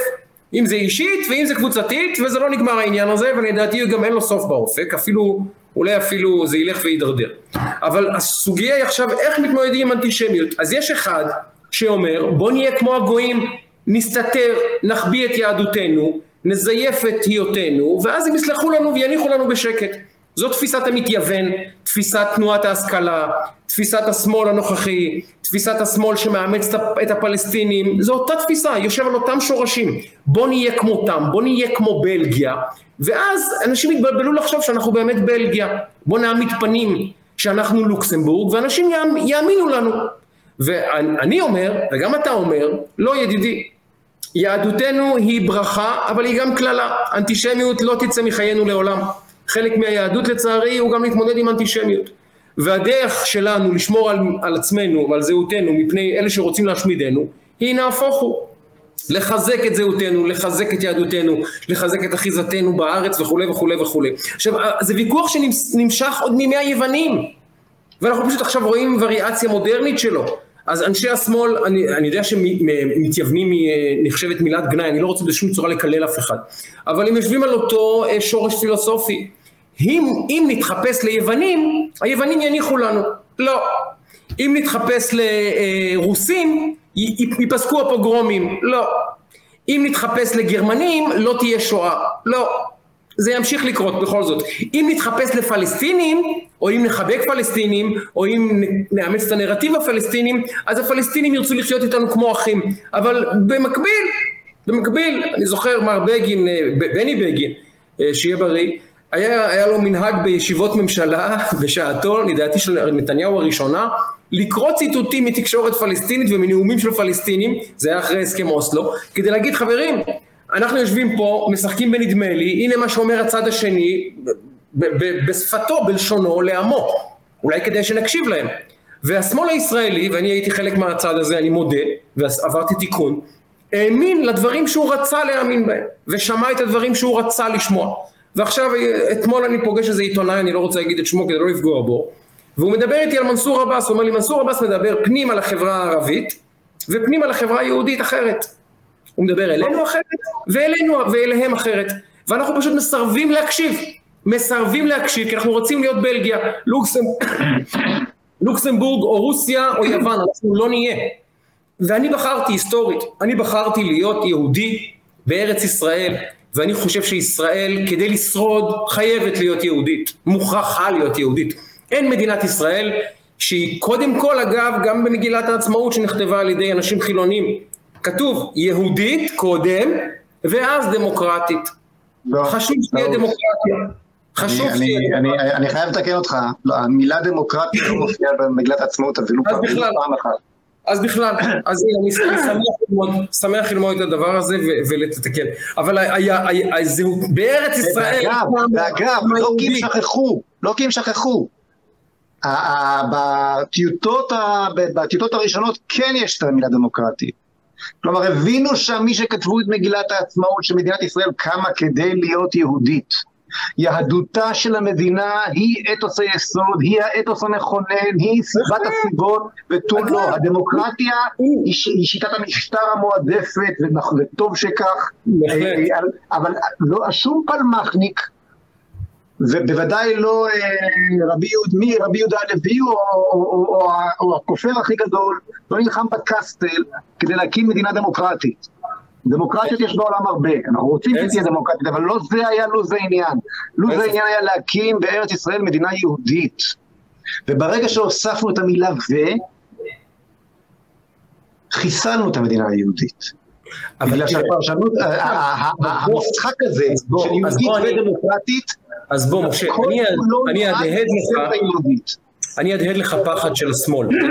אבל בסופו של דבר אנחנו מדברים על פוליטיקה של פחדים, זה פוליטיקה של זהויות שאנחנו מנהלים פה כולנו, אבל גם פוליטיקה של פחדים. כולם מפחדים. יש הרי אה, דמוניזציה של החרדים, דמוניזציה של, של, של דת בכלל, הדתה, מילה חדשה בשפה העברית. כן. אני בן 50, אני לא רע בשפה העברית, הייתי אומר אפילו יותר מהממוצע בישראל, ואני אומר לך, זו מילה חדשה שנולדה במוחו הקודח של אידיוט כלשהו. כמו למשל אה, ראשת. כן, ראשת. אז יש מילה חדשה על אה, הגברת מיכאלי אם תרצה ועל מה שהיא מעוללת לשפה העברית נדבר גם אם תרצה. אשמח לי כמה מילים יפות לומר על הגברת, תהיה בריאה, באמת. אבל פתאום החליטו שישראל היא סובלת מהדתה. עכשיו אני כאמור כבר לא ילד, ואני זוכר, אני זוכר, בשנות ה-70 למדתי בבית ספר יסודי, ואני זוכר, הייתה לנו מורה, קראו לה אה, מרים, ואחריה המורה שולמית יוליס, שתיהן נשים נהדרות, אני מקווה שהן בחיים, באמת, ושתיהן קבלת שבת, פרשת השבוע, היו כל הקיר שלנו בכיתה, פסוקים, אה, אה, מורשת, אתה יודע, דברי חז"ל, דברי אבות, מה לא? עכשיו, לא חז... הייתי, זו הייתה מדינה באמת הרבה הרבה הרבה יותר מסורתית מהיום. אני זוכר גם בשבת הייתי יוצא, גם אם הייתי צריך לקנות תרופות. אין שום בית מרקחת פתוח, הכל היה סגור, דממה, מוות מוחלט. ישראל בשבתות הייתה סגורה. קל וחומר מישהו נוסע לראות סרט או תחבורה ציבורית לא יעלה על הדעת. והנה היום, ישראל חילונית מאי פעם. אני אומר לך את זה באחריות, וגם כתבתי, עשיתי על זה כתבה בשעתו בגלובס נרחבת מאוד של כמה עמודים שנותנת סימנים ודוגמאות על כמה ישראל היום חילונית מאי פעם, מעולם לא הייתה מדינת ישראל יותר חילונית מאשר היום והם ממשיכים לקשקש את המוח על סכנת ההדתה. עכשיו אי אפשר לשמוע את זה, זה אי אפשר לשמוע את זה, אני לא, אני לא יכול לשמוע את זה כבר, זה מוציא אותי, מוציא אותי מהכלים. אני אספר לך עוד סיפור שאני מאוד אוהב לספר. איזה יום אחד אני הולך, אה, מבקר חבר בתל אביב, אני ממעט לבקר בתל אביב, עיר שאני אה, פחות אוהב להיות בה בשנים האחרונות, בטח בגלל שאנשים אה, מדי פעם צופרים לי, צועקים לי, כל מיני דברים לא נעימים. בכל מקרה, ועומד בתוך, ברחוב ליד פלורנטין, דוכן לממכר סיגריות אלקטרוניות או משהו כזה, מזיק כלשהו, איזשהו סיגריות, לא זוכר איזה סוג זה היה, ולשלושה מטרים ממנו עומד דוכן להנחת תפילין, עומד יהודי, איזה חב"דניק, ומזמין אנשים להניח תפילין. שור ענף, כעבור עשר דקות, רבע שעה, ניידת משטרה, או ניידת של העירייה, לא זוכר מי זה היה, ומפנים את דוכן הנחת התפילין, ואלה שמוכרים סרטן עומדים שם בנחת. וזה הסיפור כולו. זה הסיפור כולו על מה שמכונה מדינת תל אביב, ועל ישראל שמפחדת יותר מהנחת תפילין מאשר מסיגריות שהורגות את חייך, הורסות את חייך. וזהו. אני חושב שהסיפור כולו נעוץ במילה אחת שאמרת, הברית. הרי מה הסיפור ש, שלנו, של היהודים, הסיפור של עם ישראל, כן? הסיפור, הסיפור שלנו הוא סיפור הברית עם בורא עולם, ש, ש, שקראתנו בהר סיני ושחידשנו אותה בהר עיבל, אגב, איזה מזבח יהושע בהר עיבל אפשר למצוא, ללכת לבקר שם גם היום. קיים, מדהים, סיפור מדהים. והברית ש, שחרותה בבשרנו, הברית עם אלוהים, ברית הנצח שהפכה אותנו לעם הנצח, והסיפור שלנו כיהודים הוא סיפור שפלאי שמנוגד לכל חוקי ההיסטוריה, זה, זה, זה לגמרי, לגמרי ברור. אם יש הוכחה לקיום, לקיום האל, הוא קיומו הנצחי של עם ישראל. כל השאר, כל שאר ההוכחות הן, לא, בלתי אפשריות. בכל אופן, ויש כאן שני צדדים. יש צד שהחליט לדבוק בברית, ויש צד שהחליט לברוח מהברית, להתנתק מן הברית. מדובר, מדובר בברית כמובן, בברית הגדולה שקראתנו עם, עם אבינו שבשמיים במעמד הר סיני, שבו קיבלנו עלינו את התורה ואת הבשורה הגדולה לאנושות גדולה, לאנושות כולה, את בשורת החירות תחת כנפי האל האחד. אתה יודע, בפרשה שקראנו השבוע מופיע פסוק קטן, לא תסגיר עבד אל אדוניו. לפני 3,333 שנה, עם ישראל מביא לעולם את הבשורה שאם העבד של השכן בורח אליך, אסור לך להחזיר אותו לשכן. אתה יודע מה היה קורה לאמריקאי שהיה נותן מחסה לעבד של השכן שלו? במדינות הדרום האמריקאיות לפני 150 שנה? מותר לירות בו ולהרוג אותו, מותר. נכון, נכון. זאת אומרת, יש כאן בשורה מטורפת של חירות.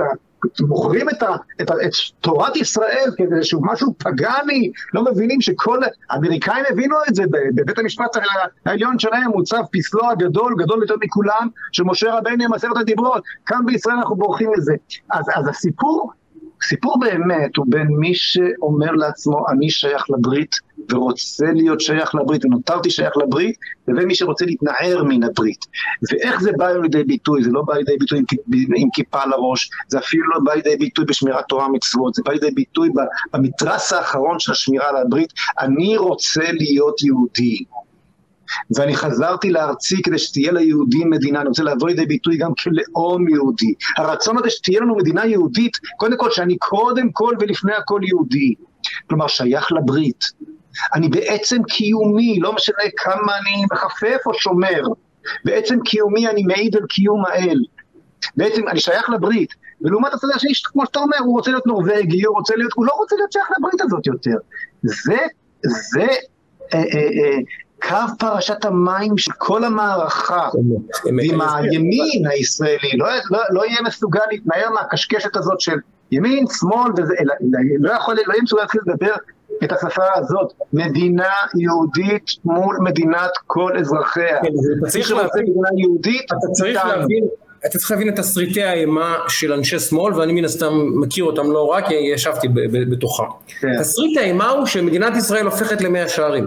זה תסריט האימים. עכשיו, כשהם אומרים, מדברים על הדתה, והם מדברים על אה, אה, אה, סכנה של הפיכה למדינת הלכה, הם רואים את מאה השערים בעיני רוחם.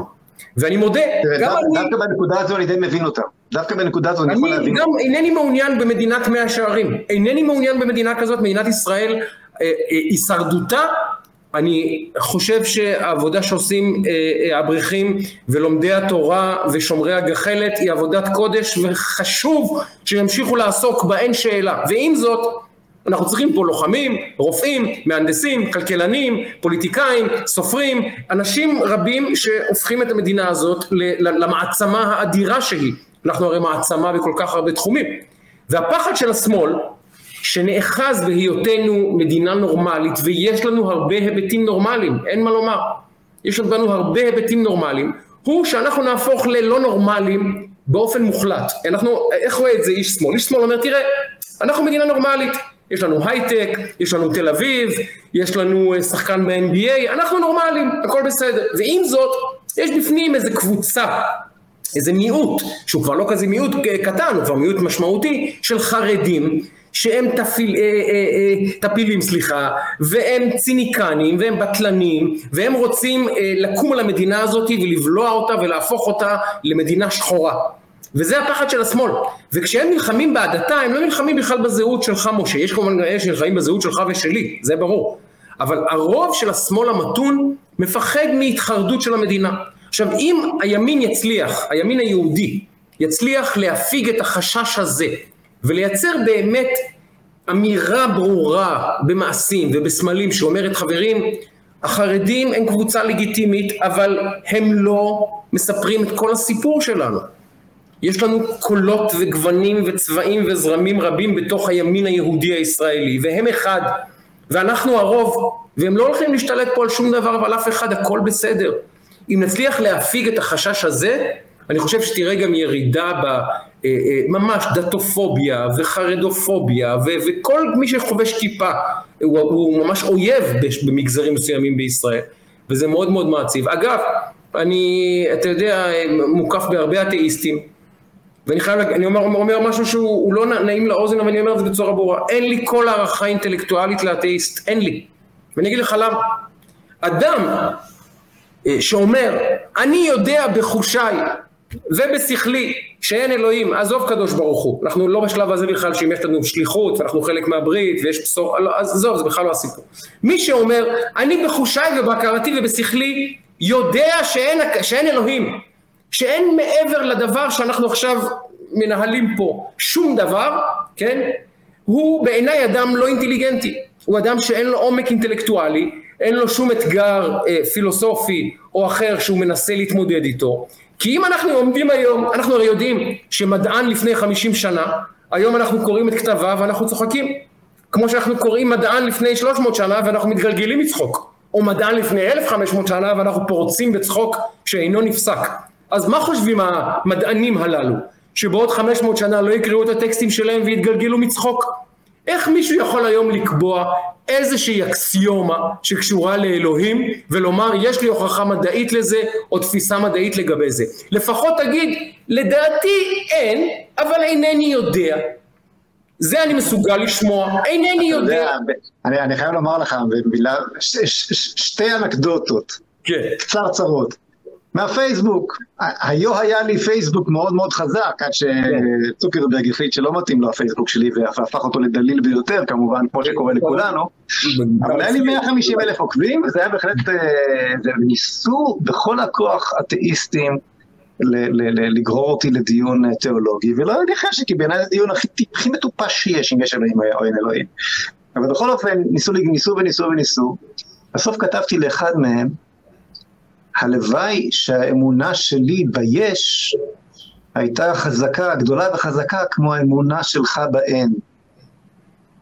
וברגע שקלטו את זה, ואני לא אשכח תגובה נוספת שמישהו כתב לי פעם אחת, אני בוחר בפייגלין, אני אתאיסט ואני בוחר בפייגלין כי יש לו אלוהים. וזו הייתה תגובה שמאוד הערכתי. בן אדם מבין שהוא מוגבל, הוא לא מאמין שיש אלוהים, בסדר, אבל הוא מבין שאי אפשר לחיות כאן בלי, ש, בלי שאתה מונהג בארץ, במדינת היהודים על ידי מישהו מאמין, זה פשוט, לא, זה, פשוט, זה פשוט לא יכול לעבוד. אבל אני חייב לומר לך, שאני חייב לחזור לשאול אותך באופן אישי, אתה מדבר כאדם בהחלט אמוני, כמי שעוקב אחריך לא תמיד היית כזה, באת מהשמאל, מה קרה לך? לא, לא. אתה השתגעת? אתה הרי דפקת את עצמך. לא, חס ושלום, חס ושלום. א', אה, אה, מי שמכיר אותי באופן אישי שנים רבות יודע אה, שאני, שמו של הקדוש ברוך הוא נישא בפי בשבח, בברכה ובהתפעמות מיום שאני זוכר. ההורים שלך באו מרומניה. אני גדלתי בבית, תראה. אחרי שאתה חי את החיים שאני חי, אני הרי אדם חושב... אתה גם מתאר בספר שאבא שלך אומר אין אלוהים כל הזמן. ברור, ואימא שלי אחרי שהתינוק שלה אה, אה, אה, מת והיא הוכרה, אני זוכר, המש... אני זוכר, היא סיפרה לי את זה, שהיא חוזרת הביתה, ואביה, סבא שלי שברח, מסתכל, דורות, במשפחות יש דורות של פוגרומים ורדיפות, הוא נרדף, על, הוא ברח מרוסיה, סבא, אבא שלי, אמי עליה השלום, גם הוא עליו השלום, הוא ברח מרוסיה מהקוזקים. כדי לפגוש את הנאצים, כדי לפגוש את הקומוניסטים, כדי לפגוש פה את הערבים בארץ ישראל. זאת אומרת, לאיפה שהוא לא הולך היהודי הזה, מישהו רוצה להרוג אותו. אבל זה לא משנה. בכל מקרה, אז הוא איבד את השם, הוא ראה, אה, הוא היה אה, באודסה, אה, סבו, וסליחה, אביו ואחיו היו שני רבנים גדולים מאוד באודסה. אחד מהם לדעתי אפילו היה הרב הראשי של אודסה, שמם היה רוזנטל. והם בורחים מאודסה בגלל הפרעות, ומשתקעים ברומניה, והוא בעצם מאבד את אלוהים שלו, מאבד את אלוהים למרות שהוא גדל בבית מאוד מאוד דתי, אה, בפרעות שהוא רואה באודסה ובזוועות שהוא רואה.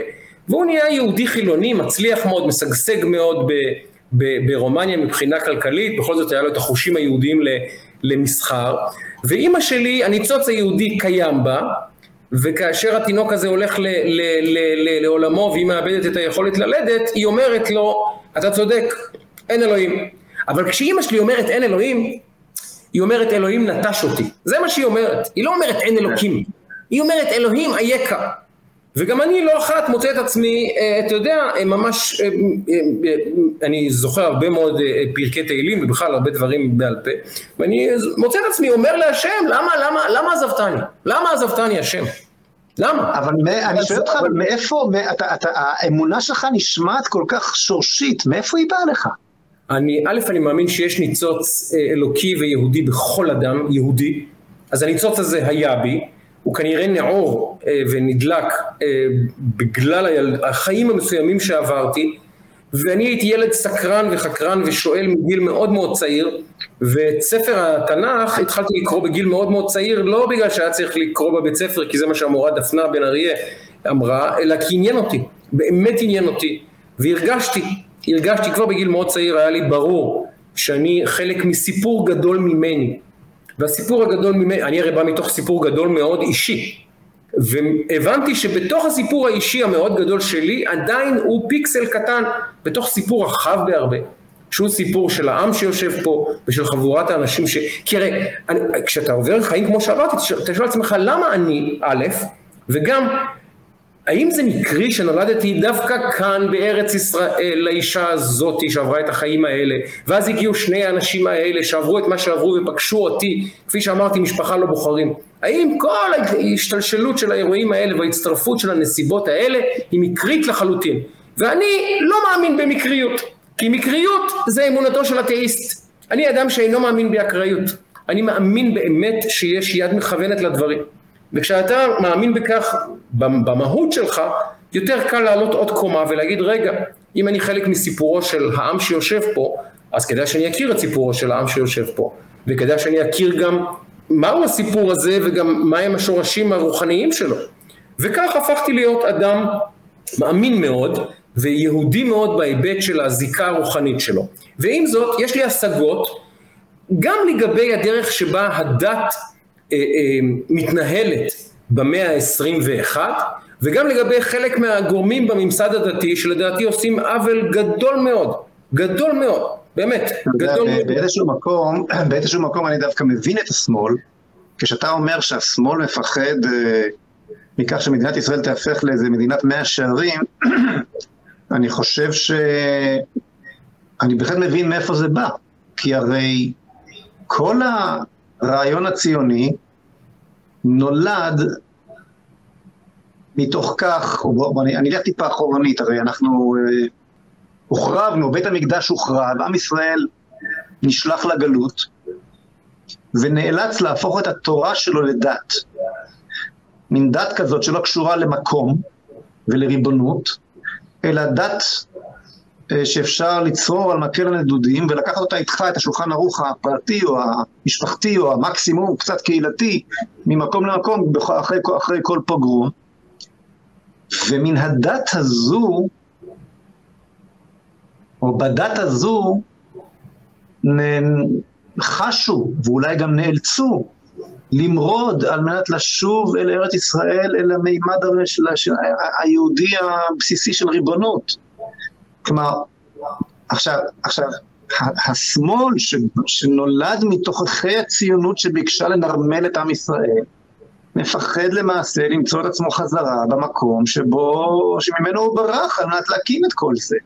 חזרה מן המקום, מן הנורמליות שאותה הוא חיפש, מן הדת שבה הוא מרד, ואני חושב שבמידה רבה של צדק, אה, אה, חזרה בחיק אותה עיירה יהודית או המאה שערים הזה.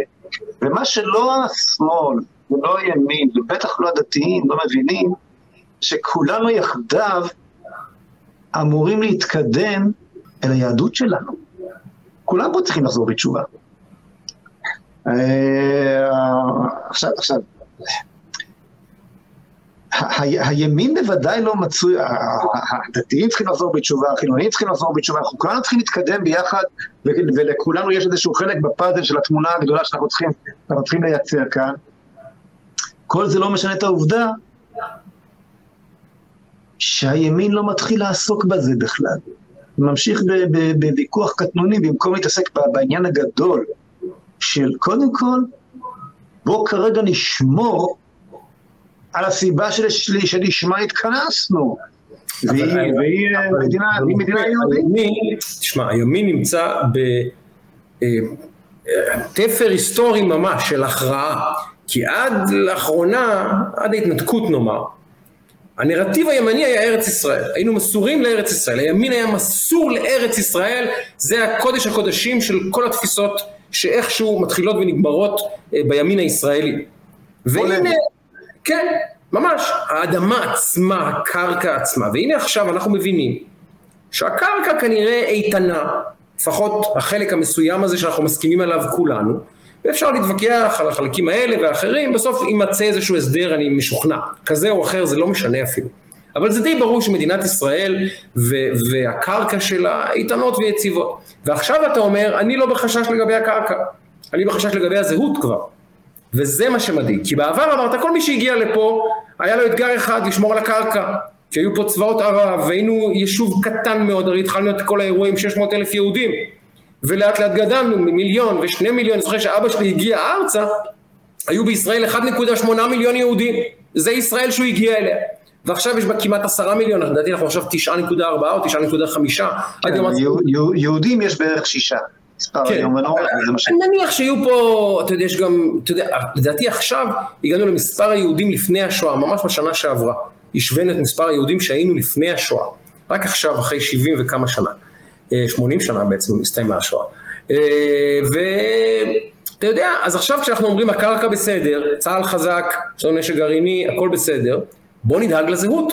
כי מה שאתה מרגיש זה שהשמאל הישראלי חותר עכשיו תחת הזהות היהודית. ולכן התחושה של המגננה בתוך הימין כנגד ההיבט הזה היא מאוד מאוד דומיננטית, כאשר אין איום אמיתי, משום שאין הסדר שלום ברקע, אין בצד הפלסטיני אף אדם שמסוגל להגיע לשום, לבצע שום פעולה, ולכן אנחנו עכשיו השעינו קצת את הנושא של ארץ ישראל, אבל כאשר יקום מי שיקום ויידרש הסדר, אני משוכנע שיהיה פלח, נתח לא קטן מהימין הישראלי, שיגיד שנייה אתם עם היהדות שלכם והזהות שלכם, ארץ ישראל בסכנה.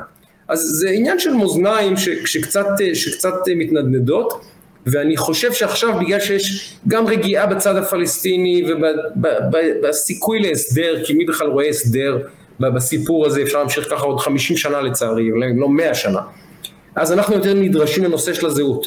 אבל תדע שכשיהיה תחושה שארץ ישראל בסכנה, כולם ישכחו את היהדות ויחזרו בחזרה שוב לקרקע, לקרקע, לקרקע. ואגב, זה הקונפליקט המעניין בתוך הימין. ומשה, אתה אגב איש שלדעתי יש לו תפקיד ממש היסטורי בהיבט הזה. של לחבר בין אה, אה, קבוצות, לא בתוך הישראליות, אלא בתוך הימין הישראלי.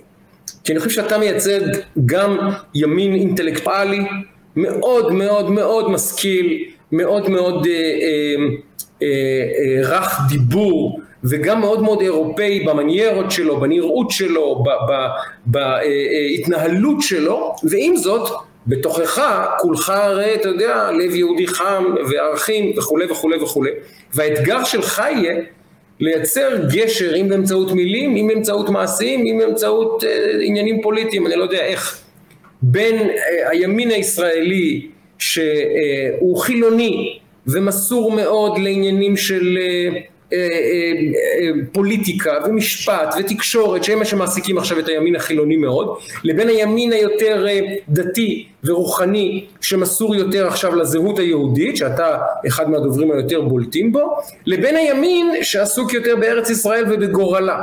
עכשיו שלושה שלוש הצלעות האלה של המשולש הזה יצטרכו להתכנס איכשהו לימין אחד אם זה מנהיג אחד, אם זה הסכמה אחת, ואם זה מכנים משותפים מוסכמים.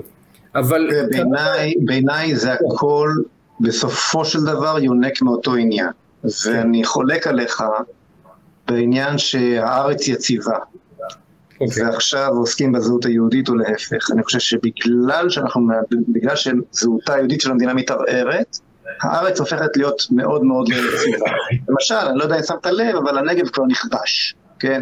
אני מניח ששמת לב שבמשך שבוע וחצי התבצעו פוגרומים בלוד, ומדינת ישראל, ולא הייתה מדינה פתאום. כלומר, לא הייתה שום קרקע יציבה בלוד, לא ביהודה ושומרון. אז, אז, ולמה לא הייתה קרקע יציבה בלוד? אם ניקח את זה, את, את לוד כדוגמה, לא הייתה קרקע יציבה בלוד משום שמפקד המשטרה, כן, חש מתנצל מול הילידים ש, ש, שלהם הארץ שמתגוררים בלוד. עכשיו הוא לא בדיוק חש מתנצל, הוא יותר נמצא, ב, מבין היכן מרוחה חמת התקשורת והמשפט והקידום, כן? אז בוודאי ש... אז נשרפו עשרה בתי כנסת בלוד, אם היה נשרף מסגד בלוד, או, איזה חקירות משטרה, חקירות לא היו נסגרות אחרי שבועיים כפי שנסגרו, כן?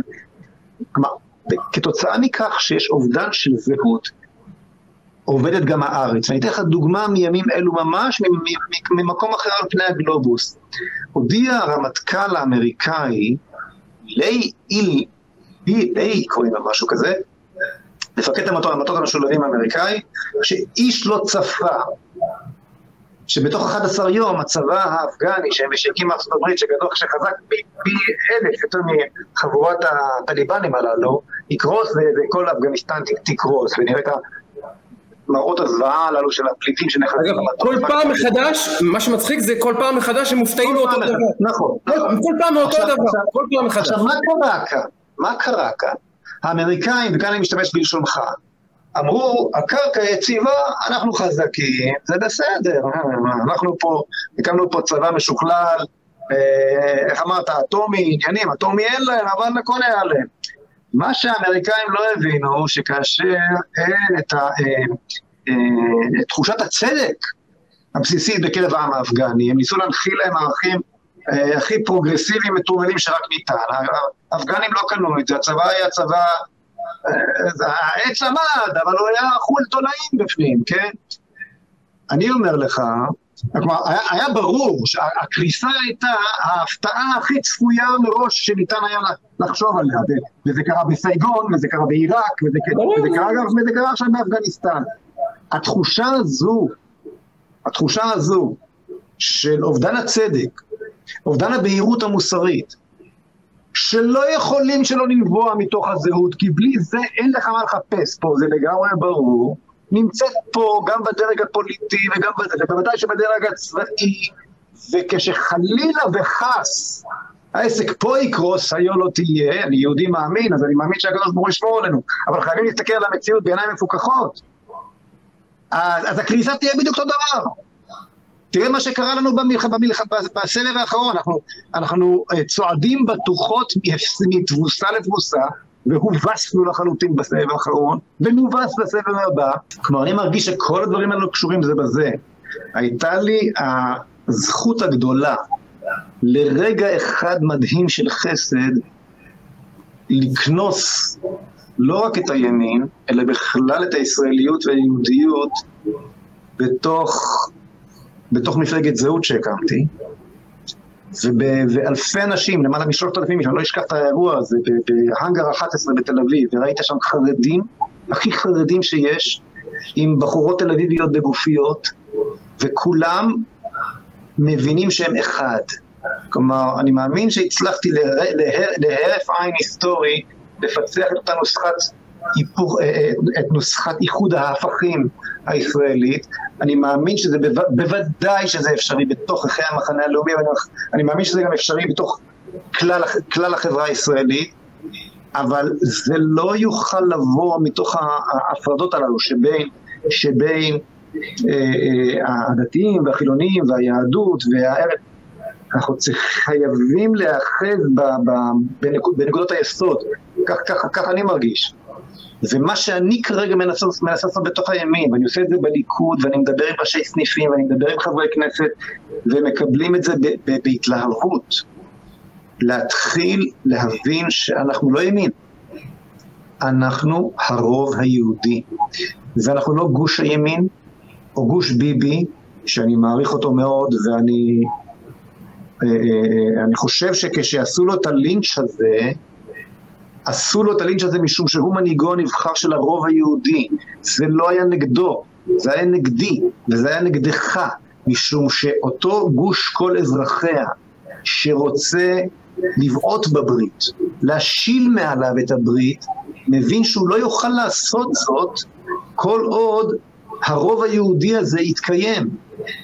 ומי ש... ומי... ו... ואני אמרתי לנתניהו באחת השיחות שלי איתו, אמרתי לו לא יעזור לך.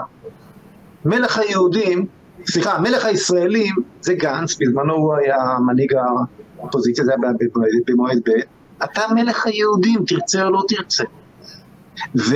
ונתניהו עלה לשלטון כנגד כל הסיכויים אחרי רצח רבין, כשהסיסמה הייתה ביבי טוב ליהודים. הנקודה היהודית חייבת לחזור אל השיח, אני לא רוצה לומר את המילה, הימני. אבל תזכור, תזכור שאנחנו בעידן, יש, יש פה גם זרמים בינלאומיים שפועלים, אה, הרי השמאל הישראלי הוא לא פועל במנותק מהשמאל הפרוגרסיבי האירופאי והאמריקאי והאינטלקטואלי, הבריטי הוא שמאל מאוד מסוכן, מאוד קיצוני.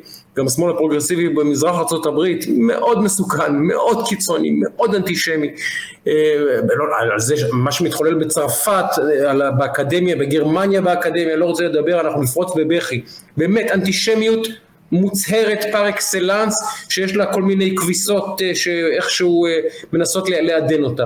אבל בסופו של דבר אנחנו חייבים להבין שאנחנו חלק ממגמה עולמית, שבה דת נחשבת אויב. הרי מי מנהל את התודעה העולמית במערב? בוא נזכור שסין והודו בין, בין שתיהן זה שליש מהאנושות, אבל אנחנו חיים בלה לנד שהמערב מנהל את העולם, אבל בסדר, כן. יום אחד נתעורר לשחר שסין מנהלת את כולנו, אבל זה בסדר, זה גם לשיחה אחרת. אגב קורונה, וזה ממש בסוגריים, תסתכל באיזו בעתה אנחנו מתמודדים עם העובדה שדי מחלחלת לכולנו, שהסינים כנראה הדביקו את כולנו בקורונה, או שזה יצא בשליטה או שזה היה מתוכנן, זה לא משנה. אבל שהם הביאו את הקורונה, ואם את הקורונה הייתה מביאה למשל, אה, אתה יודע, בלרוס, או אני יודע מסוריה, היום לא הייתה כבר מדינה בשם סוריה, היום גם לא הייתה מדינה בשם בלרוס, אנחנו יודעים את זה. אבל עם הסינים אף אחד לא רוצה להתעסק, אז הם ממשיכים בענייניהם, וזה כאילו, הם כאילו לא צד באירוע, לא משנה. בואו נחזור שנייה למה שקורה בשמאל הפרוגרסיבי. השמאל הפרוגרסיבי מנסה לייצר בעצם, וזה בחזרה לסוציאליזם, איזושהי השטחה של כולם. אין מגדר, אין לאום, אין זהות, אה, אין דת. עכשיו כל מי שקורא תיגר ואומר אני, להוציא דבר אחד סליחה, מיעוטים, מיעוטים יש, מיעוטים הפכו להיות האדונים החדשים של התודעה, אבל המיינסטרים הכללי אסור שיהיה בו דת, אסור שתהיה בו דעה, אסור שיהיה בו שום דבר שקורא תגר באיזושהי צורה על ההשטחה הזאתי שנועדה לייצר איזושהי שוויוניות כוזבת בין בני אדם כאילו הגלובליזציה, עם כמובן עידן האינטרנט והגלובליזציה הכלכלית וכולי וכולי, יצרה איזו אוטופיה שאנחנו מגלים היום שהיא פשוט מקושקשת כי העולם מתפרק לכולנו מתחת לידיים, אבל הייתה תקופה של כמה שנים שחשבנו שאירופה מתאחדת והנה ארצות הברית ומסך הברזל נופל והנה נהיה כולנו משפחה גדולה ומאושרת, חלומו של השמאל. ובכסות שתחת זה אה, אה, אה, עניינים שהתחילו כבר בשנות ה-70 וה-80 אינטלקטואלית, הם הגיעו עכשיו להבשלה, ועכשיו הם מנהלים את העולם מתוך תפיסה שאין זהות, אין לאום, אין דת, אין כלום. לא רק שאין, הם גם מסוכנים. לאום מסוכן, זהות מסוכן. אתה יודע למה? דת מסוכן. למה אין. נו. אני, אני אגיד לך למה אין זהות, ואין לאום, ואין מין, ואין משפחה, כן. ואפילו אין אנושיות, כי אם אתה אוכל סטייק אתה רוצח, גם אין אנושיות לעומת בעלי החיים. נכון. אין זהויות ואין מהויות. והסיבה היא, ובזה אני חושב שנסיים, הסיבה היא משום שזהויות מעידות על בוראן. כלומר, כתוב יצב גבולות עמים, מי שברא את העמים. הרי איך, איך אלוהים בורא את העולם? באמצעות ההבדלות שמייצרות את הזמן. מה זה זהות? ההבדל ביני לבינך הוא זה שמייצר את הזהות שלי לעומת הזהות שלך. איך העולם נברא. ויבדל אלוקים בין אור לחושך, בין, בין, בין, בין, בין הים ליבשה, בין, הש, בין כן, המים שמעל, שמעל הרקיע, המים שמתחת לרקיע. ההבדלות הן שיוצאות את המציאות, אבל ברוורס, לאחור, מעידות על הבורא. אז אם אני אערבב את כל העולם ואשיב אותו לתוהו ובוהו, אין בורא. כלומר, הכל, הפרוגרסיביות הזו בסופו של דבר היא המלחמה באל. ובוודאי שהעם היהודי, עם הנצח, העם שמעיד על קיום האל, וכל האנושות מבינה את זה, אין, יש לי אין, אין סוף שיחות עם מרתקות עם לא יהודים בעניין הזה, כולם מבינים את זה, אה, אז, אז, אז האנטישמיות הגדולה ביותר כיום כלפי היהודים המעידים על קיום האל פורצת מהכיוון הפרוגרסיבי הזה. שי, אני רוצה, אני רוצה להודות לך, אני מרגיש שאפילו עוד לא התחלנו לדבר. כן, ממש, זה, אבל הסתכלתי על השעון, אמרתי, וואה, שעה וחצי. פתאום חלפה לה שעה וחצי. עוד לא הספקנו להשלים אפילו נושא אחד. אני רוצה להגיד משהו אחד, אבל כן, על פרוגרסיביים שחשובים. המודרניזם, אגב, הדוקטורט שלי בספרות שהתחלתי לכתוב ונטשתי כי עזבתי לטובת התקשורת, עסק בפוסט מודרניזם בספרות האמריקאית לעומת הפוסט מודרניזם בספרות הישראלית. אז אני קראתי המון ספרות פוסט מודרניסטית, המון פוסט ויש לי ידיעות בנושא. אבל בגדול הפוסט מודרניזם הוא כמובן ריאקציה למודרניזם. מודרניזם הביא לנו אה, אה, שתי אידיאולוגיות גדולות מאוד. הנאציזם והסוציאליזם, קומוניזם, גם הקפיטליזם שם שיחקה, אבל המודרניזם הוא עידן של אידיאולוגיה. עכשיו שיחקנו במשחק הזה של אידיאולוגיות וראינו מה קרה, מלחמת העולם השנייה. שמלחמת העולם השנייה היא פוסט טראומה לכל האנושות כמובן, כמובן, ובעיקר למחשבה האנושית. כי מה שעוררה, אה, אה, מה שעורר התוצאות של מלחמת העולם השנייה זה שני דברים, אחד מסך הברזל ותחילה של בעצם איזושהי אה, תודעה אנושית קונספירטיבית שמאז שנת 45 בעצם לא עזבה אותנו עד הסוף. הפכנו להיות קונספירטיביים. אחרי סוף מלחמת העולם השנייה, לא היינו קונספירטיביים לפני, מי שקצת קורא היסטוריה, עידן הקונספירציה התחיל בתחילת המלחמה הקרה, תודות להתפרקות גם של האידיאולוגיה אה, אה, הנאצית וגם כתוצאה מהיווצרות של הגושים. בכל מקרה, אז הפוסט מודרניזם אמר רגע, הבנתי מה זה מודרניזם, מודרניזם זה נאציזם, זה קומוניזם, זה כל מיני דברים שבסופו של דבר הם לא טובים למין האנושי, לכן אנחנו צריכים למצוא אה, אה, תשובת נגד לזה, או ריאקציה, והריאקציה היא בעצם מחיקה מוחלטת של אידיאולוגיה, מחיקה מוחלטת של זהות, מחיקה מוחלטת של דת, ועכשיו מה נשאר? מה הדת היחידה שיש לשמאל? הרי לשמאל אין אידיאולוגיה, אני נמצא בשמאל. השמאל לא מדבר על ערכים, על צבא, על כלום, השמאל מדבר על דבר אחד, politically correct, זהו, זו הדת החדשה. יש דת חדשה לחילונים, קוראים לה PC, politically correct. ועכשיו תשים לב שכל הסמנטיקה וכל הוויכוחים וכל אה, אה, עניין שאתה נקלע איתו לעימות עם איש שמאל, יושב על זה, על PC. בסופו של דבר הוא אומר, אתה, זה שאתה אה, מדבר ככה על פלסטיני זה גזענות. דעתך כלפי אה, הומוסקסואלים היא הומופוביה. כל דעה מיד מותקפת בנשק ה-PC.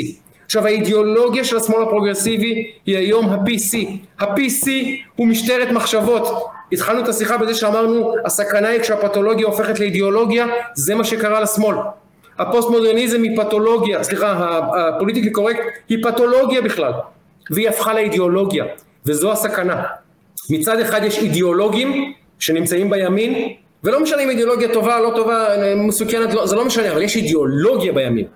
יהדות, זהות, ארץ ישראל, יש לנו שליחות, יש לנו תפקיד, אנחנו חלק מסיפור, אנחנו אידיאולוגים. בצד השני יש פתולוגיה, לפתולוגיה קוראים פוליטיקלי קורקט, והיא השתלטה שם על התודעה של השמאל בכל העולם אגב, המערבי, וזו הסכנה האמיתית, כי כרגע הקונפליקט הוא בין אידיאולוגיה לבין פתולוגיה, והצורה שבה ההתגוששות הזאת כרגע מתנהלת היא לא יפה לעין. אז אני חייב להגיד שאני מסיים את זה בטון פסימי, מעט פסימי. מעט פסימי. אבל אני, אבל אני, אני דווקא אחרי המפגש עם אה, אדם כמוך, אה, נטען באנרגיות חיוביות. אני שמח. תענוג, כי הסיפור שלך הוא סיפור מפליא, מופלא, וסיפור מעורר השראה, סיפור שמלמד שבאמת אה, יש תקווה. יש תקווה. תודה רבה, שי. תודה רבה, אדוני.